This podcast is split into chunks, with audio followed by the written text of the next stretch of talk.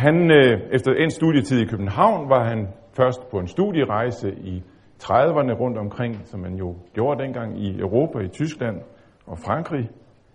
Så var han præst på Djursland i Vilsager, midt på Djursland, og senere blev han så hjælpepræst i Domkirken, og var samtidig en slags undervisningsassistent ved øh, den begyndende teologiske undervisning, der var her i Aarhus, inden selve fakultetet blev oprettet, og så blev han så i 45 øh, professor, den første professor i dogmatik her på øh, det teologiske fakultet herover. Og det var han så indtil 72, så der var nogen af os, der nåede at få ham med, inden han rejste i 72, og blev præst i sine sidste år nede i Sønderjylland i Branderup, øh, indtil han så gik af fra aldersgrænsen. Han holdt det, så vidt jeg husker, til den binde, eller den gode ende. Øh, og i sin pensionisttilværelse var han så aktiv fortsat, havde forelæsninger både her og på universitetet og udgav bøger i den tid. Og så døde han i 1990. Det er rigtig dejligt, at så mange er dukket op her. Vi var nogle stykker sammen på det teologiske fakultet i går og fik nogle rigtig interessante og indholdsrige og indsigtsfulde foredrag i dem, jeg nåede at få med. Jeg måtte så desværre gå på et tidspunkt. Og i dag fortsætter vi altså her på menighedsfakultetet. Øh, og det har, som antydet i programmet denne dag, sine gode grunde, som Nils Havsgaard ville sige. Øh, et eller andet sted bag oprettelsen af dette sted, der spiller Printer en ikke uvæsentlig rolle. Ikke at vi vil tage ham til indtægt. Sådan der Printer sig bestemt ikke båse. Han havde en bred venneskare, så bred, at øh, der var folk i hans venneskare, som havde svært ved at forstå, hvordan enkelte andre også kunne høre til i den, og, og derfor betragtede dem som Pranters forkerte venner, som øh, Pranter selv udtrykte det ved en fødselsdag, han holdt for nogle af alle de her mange venner herovre ved, i Slagtladen, eller ikke Slagtladen, men i Mortensens stuen på et tidspunkt. Selvom Pranter ved flere lejligheder forelæste her på stedet, det er resulteret blandt andet i hans fine Grundtvig-bog, Den kirkelige anskuelse, øh, så var vi jo godt klar over, at der var forskelle Øh, det er næppe sandsynligt, at Prantler kunne have tilsluttet sig den måde, bibelsynet for eksempel blev formuleret på i fundasen for det her sted. Men der var noget i hans forståelse af, hvad teologi er, som betød utrolig meget. Ikke bare for en række af de præster, som hørte til pionergenerationen bag det her sted, men også for flere af os, der dengang var studenter.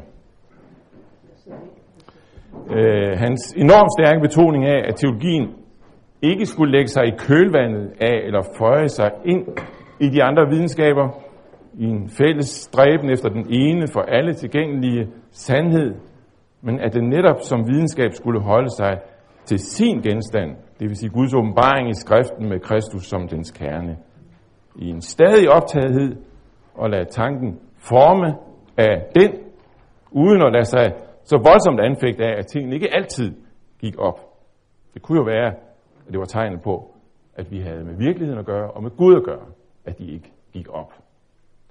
Jeg har et lille citat her fra et lille inferiør, vil nogen også sige, festskrift til Glenshøj i sin tid, hvor Brændt i foråret skriver blandt andet på sin meget sådan proklamatoriske måde, Teologien er og bliver en fri videnskab just i sin bundethed til sin sag. Og den sag, teologien er bundet til, er Bibelens budskab om Guds åbenbaring i Jesus Kristus, i bundethed til denne sag er teologien videnskabelig og dermed fri. Svigter teologien denne sag, bliver den uvidenskabelig og bundet, bundet til menneskelige fordomme. Sådan. Øh, om man til tider kunne være uenig med Pranter, og det kan man bestemt, så var det her teologi, som sagde noget til os dengang, både for tanken og for troen. Øh, det er også med et lille håb om, at nye generationer kunne få øje på det her, at vi har lavet det her arrangement. Der er mange af min og tidlige generationer, som læser Printer. Det hører man til tider overraskende vidensbyrd om. Glæder sig over alle de mange forkerte venner, har jeg sagt, som læser ham rundt omkring. Øh, hans skabelse og genløsning optræder i teologiske kanon, skrevet af mange forskellige folk. Men hvad med den nye generation? Jamen det har vi selvfølgelig fået visse muligheder for at lave noget ved.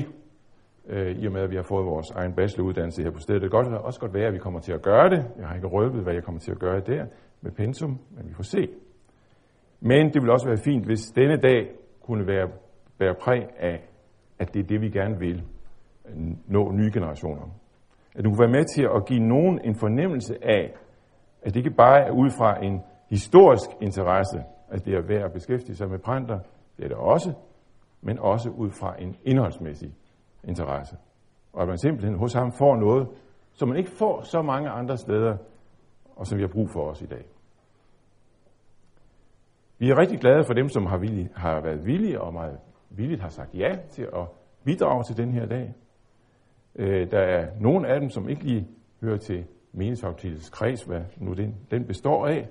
Men jeg vil sige, uden at I havde været med, øh, så var den her bestemt, den her markering ikke blevet en værdig markering af Printer. Så rigtig tak for, at I også har taget imod udfordringen. I har alle sammen forhåbentlig et program. Øh, vi kommer til at følge det, selvom det er stramt.